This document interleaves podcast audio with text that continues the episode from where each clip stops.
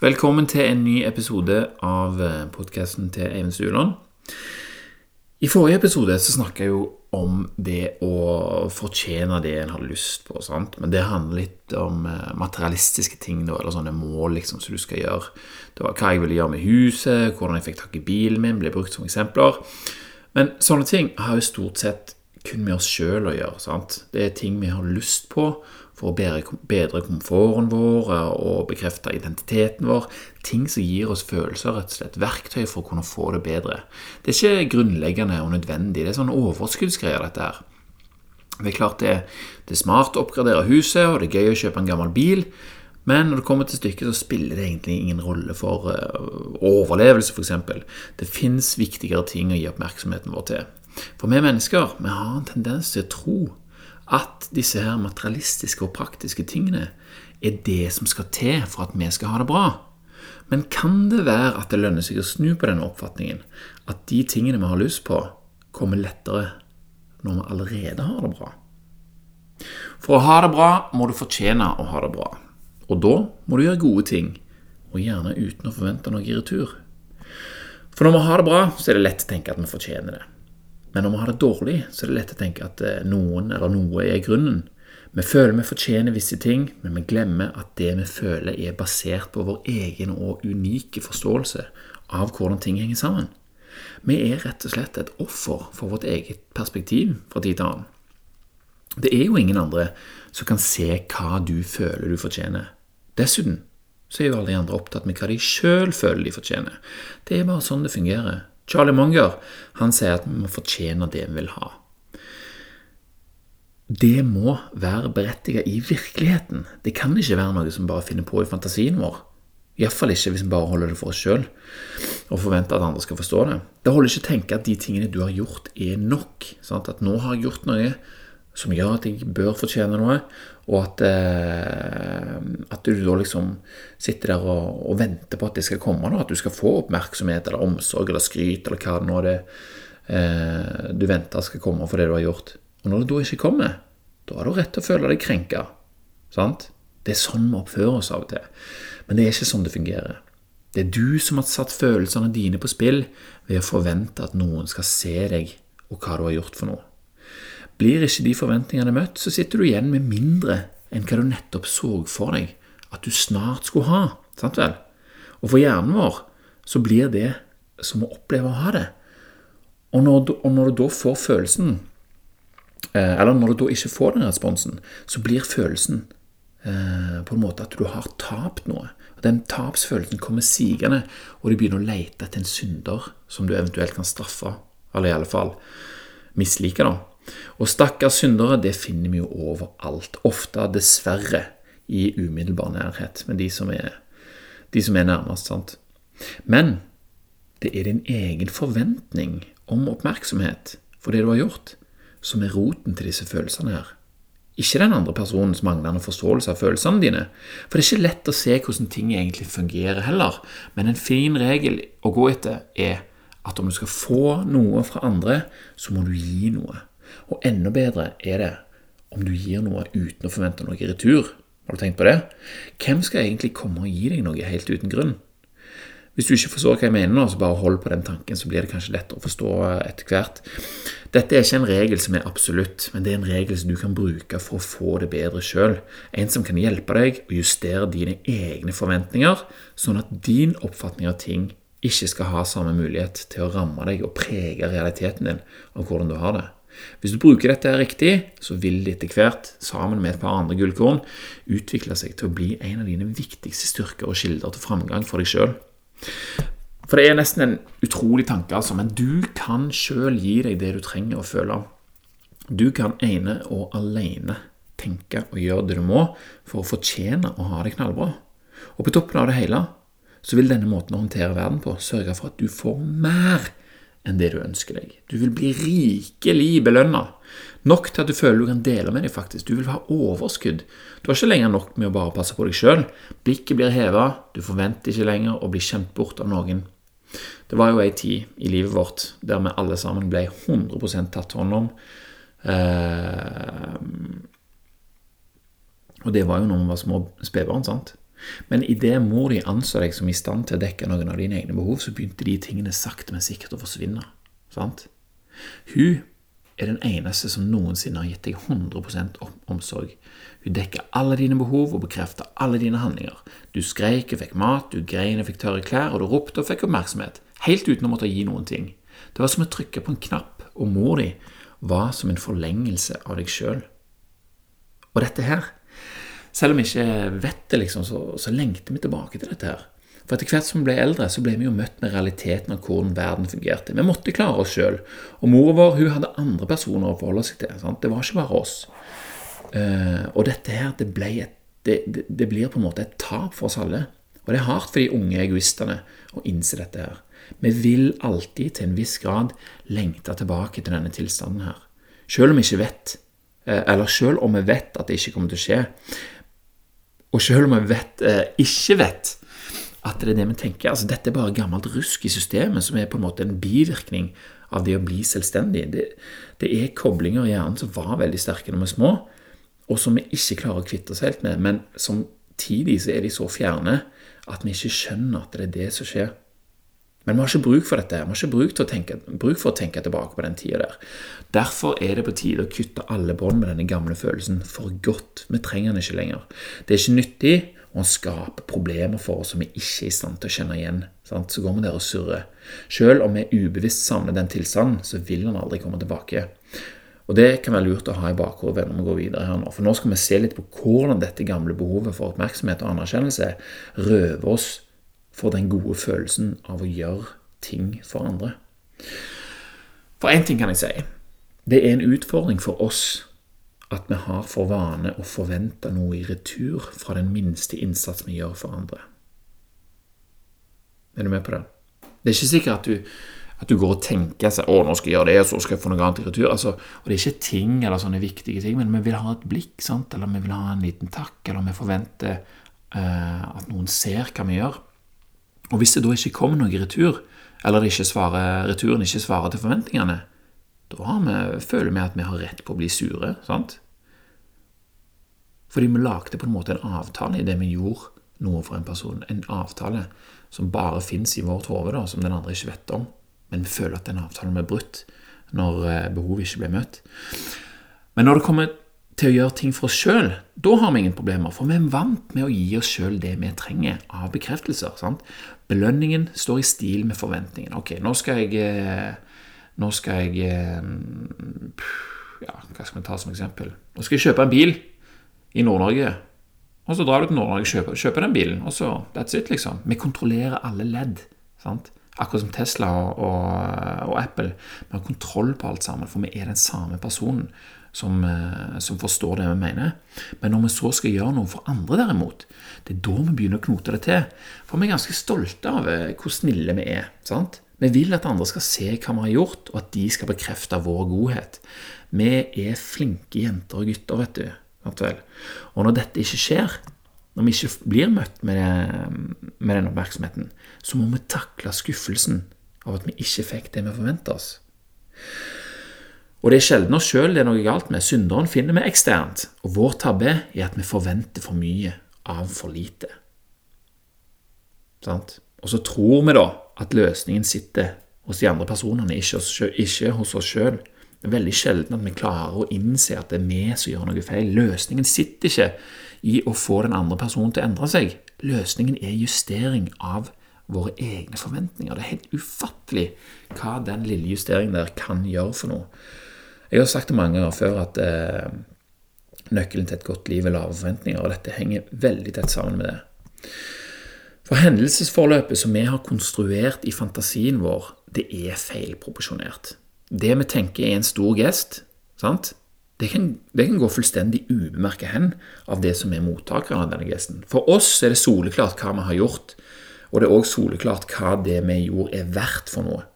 Men når motparten ikke ser ut til å ha fått med seg den store uselfiske ofringen som du har utført, så begynner du å tenke at de er faen meg utakknemlige, og de i hvert fall ikke fortjener nye sånne hyggelige eh, ting.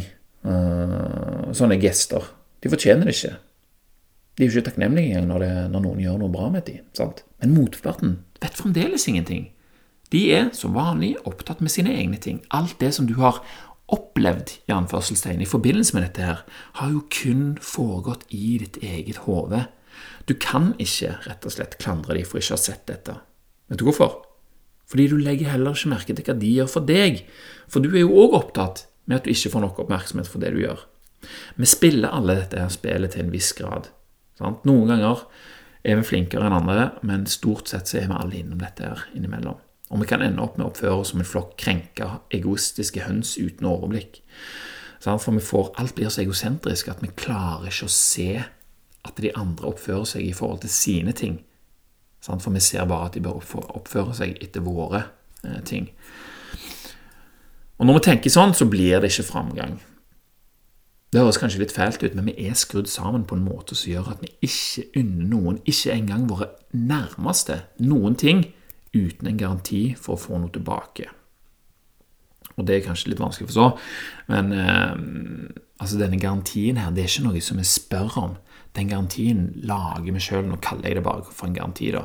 For den garantien, det er forventningen som vi gir oss sjøl. Når jeg gjør ditt, så vil hun se det, og så vil hun bli glad, og så vil hun gi meg datt i retur. Sant? Enkelt. Men hva skjer når denne forventningen ikke blir møtt? Sant? Du har jo garantert for Du har tenkt 'Å, jeg gjør den handlingen, jeg'. Hvis hun gjør sånn tilbake. Så gjør du handlingen, og så gjør hun ikke det tilbake, for hun ser det ikke. Vi sier jo ikke disse tingene her, men vi har bare gitt, eh, vi har bare gitt noe som vi satte en verdi på. Og verdien av handlingen gjenspeiler forventningen av respons fra den vi gjorde noe for.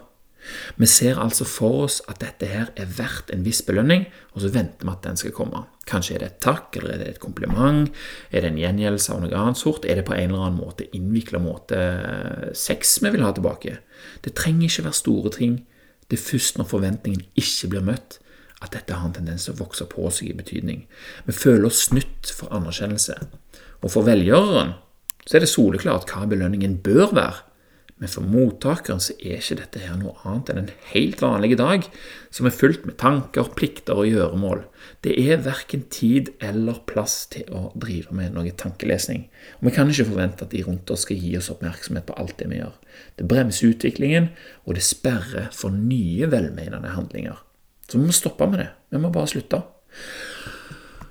Og det som skjer når vi stopper å forvente noe for alt det vi gjør, det er at vi blir fri på et vis. Vi blir fri til å gjøre hva vi vil, uten at det innebærer å knytte en verdi opp mot det. Sant? Vi kan slutte å kjøpslå og prute med oss sjøl. Vi kan slutte å påføre oss sjøl skuffelse ved å forvente andres oppmerksomhet. Ah, fy søren, altså. Det er deilig. Vi kan gjøre ting for andre uten å ville ha noe igjen, og når vi begynner med det, så skjer det ting. Når vi gjør noe for andre, noe vi anser som en god ting, produserer vi allerede lykkehormoner. Det er herlig. Det gir en god følelse. Og hvis vi hadde tatt til takke med det, så hadde alt vært helt greit. Da hadde vi fløtet videre på denne her eh, lykkerusen. Men problemet vårt er at vi vil ha mer. sant? Vi vil ha anerkjennelse for det vi har gjort. Og idet vi ser for oss at det er det vi skal få pga. det vi har gjort, så lager vi mer lykkehormoner. Når vi ser for oss denne belønningen. sant? Men når den da ikke kommer i den innpakningen vi så, så for oss, så blir vi skuffa og da er det helt andre hormoner som får regjere. De som gir oss bitterhet, en følelse av å ikke bli sett, og at ting er urettferdige. Vi gjør altså noe godt, og så står vi der og logrer med halen for å få et takk, eller hva det er vi har sett for oss. Og så når det ikke kommer, så saboterer vi vår egen produksjon av lykkehormoner, og vi står i fare for å dra med oss de andre rundt oss òg, med humøret som vi syns passer for å beskrive denne skuffelsen. Vi kan bli bitre, vi kan bli sure, sant? vi kan bli sånn eh, Hva det heter sånn eh, passiv-aggressiv. At vi liksom Ja, du da, liksom. Eh, at vi saboterer litt for hverandre, rett og slett. Fordi at vi føler at vi ikke fikk det vi fortjente, og at det er de andre sin feil. Vi er ikke gode til å innrømme at det er vi som er årsaken til problemene våre. Det er en genetisk overlevelsesteknikk, sant? og du er tjent på med å øve deg på å kvitte deg med den. Slutt å bruke utdaterte triks som var, var, til for at vi skulle overleve i skogen. Slutt å bruke de på de nærmeste og viktigste menneskene du har. Du kan alltid hente det fram hvis det virkelig blir nødvendig, men for nå så kan du tenke på følgende to ting. Nummer én innrøm for deg sjøl at det du gjør for andre, er til dels for din egen skyld. Det trenger ikke være mye. Sant? Men noe av det du gjør for andre, gjør du for at du skal føle deg bra. Og Det er ikke noe å skamme seg over. Det er en ærlig sak, det. Og det er sånn vi mennesker fungerer. Og hvis du forstår det, så får du et mye, mye enklere liv å leve. Så det er nummer én. Innrøm for deg sjøl at det du gjør for andre, er litt for din egen skyld. Og så kan du tenke at det du gjør for andre, ikke skal gi deg noe i retur. Vær fornøyd med gleden av å gi det du gjør. Da risikerer du ikke å tape det du nettopp har produsert, og du får den samme kraften over handlingene overfor andre som du har over handlingene som du utfører for deg sjøl.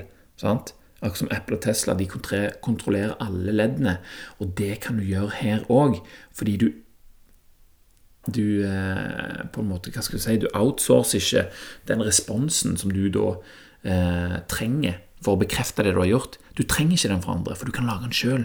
Du kontrollerer alle ledd, og da er bremsene av, rett og slett. Du kan stige på denne gode følelsen. Veien er strak og uten hindler, og når du da lever videre med godt humør istedenfor å bli bitter og begynne å ødelegge ting for deg sjøl og for de andre, så får du lyst til å gjøre nye handlinger. sant? Og om vi gjør små ting for andre uten å forvente noe tilbake, så vil det etter hvert bygge et moment med et enormt potensial for avkastning. Tenk bare om alle dine gode handlinger ikke ble beskatta av din egen skuffelse over manglende anerkjennelse fra andre. Sant? Du kan ta det vekk fra ligningen, og dermed så har du bare overskuddet. Vi kan se på det på en måte som et indeksfond, og vi strekker oss litt. Eh, et vanlig aksjefond har en megler som forvalter verdiene. sant? Men den megleren ender opp med å ta en del av kaka og begrense renters renteeffekten av fondet ditt. sant? For du betaler jo forvalteren for å gjøre det bedre enn markedet. Men det viser seg at han, til tross for sin gode innsats, ender opp med å ta fra deg den potensielle framgangen som du kunne hatt hvis du hadde investert i f.eks. et indeksfond og hvis du hadde investert i et indeksfond, så betyr det at du hadde sagt deg fornøyd med å følge den generelle veksten i markedet. Sant? Du hadde ikke betalt en investor for å investere for deg for å slå markedet. Og Litt sånn blir det her òg. Når du forventer å få belønning for det du har gjort, så skattlegger du følelsen av den gode handlingen din. Eller det blir som et forvaltningshonorar, som òg utsetter deg for å tape, for risikoen øker jo. Sant? Med en gang du forventer noe for noen andre, så er det utenfor din kontroll, og da er det større risiko for at ting kan gå galt. Om du bare hadde satt deg fornøyd med hormonene som kommer av å gjøre en god handling eller en liten ting for det felles gode, så kunne disse følelsene her gitt deg noe å investere videre i en ny handling som gir videre overskudd. Er du med? Og idet du har konstruert en forventning om noe i retur for en handling, og dette ikke kommer, så er hele gevinsten som du nettopp hadde, den er vekk, og du sitter igjen med en dårlig følelse. Å gjøre noe positivt for en utakknemlig person igjen kommer jo ikke på tale. sant vel? Den gode følelsen, den, den gode gjerningen som du gjorde, den blir nå forbundet med negative følelser som skuffelse og svik. sant? Og da blir det til at det, det frister ikke å gjenta det. Vi kan faktisk dra det så langt at vi heller vil straffe den vi anser som roten til dette sviket. Så gjør noe godt for noen, sånn at å, hun kommer sikkert til å For kona di, f.eks., eller mannen din, å, han kommer sikkert til å bli så glad hvis jeg har gjort det, og så ender det opp med å ikke komme noe, og så er det bare sånn Ok, nå skal jeg faen i hvert fall ikke legge ned dosettet. altså, dette er jo satt på spissen. Vi tenker jo ikke dette bevisst. Men det er bare et virkemiddel for å synliggjøre hovedtrekkene i dette. For vi har alle små tendenser til å oppføre oss sånn som dette her. Og hvis vi ser hvor dette kan ta oss, eh, eller vi ser hvor dette kan ta oss, og når vi ser det, så kan vi òg gjøre noe med det. Da trenger vi av og til litt sånn å sette ting litt på spissen. nå. For når det kommer til stykket, så er det vi som må gjøre noe for å bli glade og fornøyde. Gjør vi det, så fortjener vi å ha det bra. Vi kan ikke forvente at noen andre eller noe annet skal gi oss lykke. Vi må være den som handler. Det går så mye fortere, og så er så mye mer effektivt enn å vente på at motparten, motparten uten veiledning skal finne ut hva du trenger, for så å gjøre noe med det. Bitterhet av å ikke bli belønna, misunnelse overfor andre som, som, har det vi vil ha, misnøye med andres oppførsel, det bringer ikke noe godt med seg i ytterste konsekvens så kan du kanskje bruke det til å motivere deg, sant? men det er ikke noen god måte å motivere seg på. Velmenende handlinger skal ta oss dit vi vil, og toleransen over andres oppførsel Våre lave forventninger gjør det lettere å fortsette.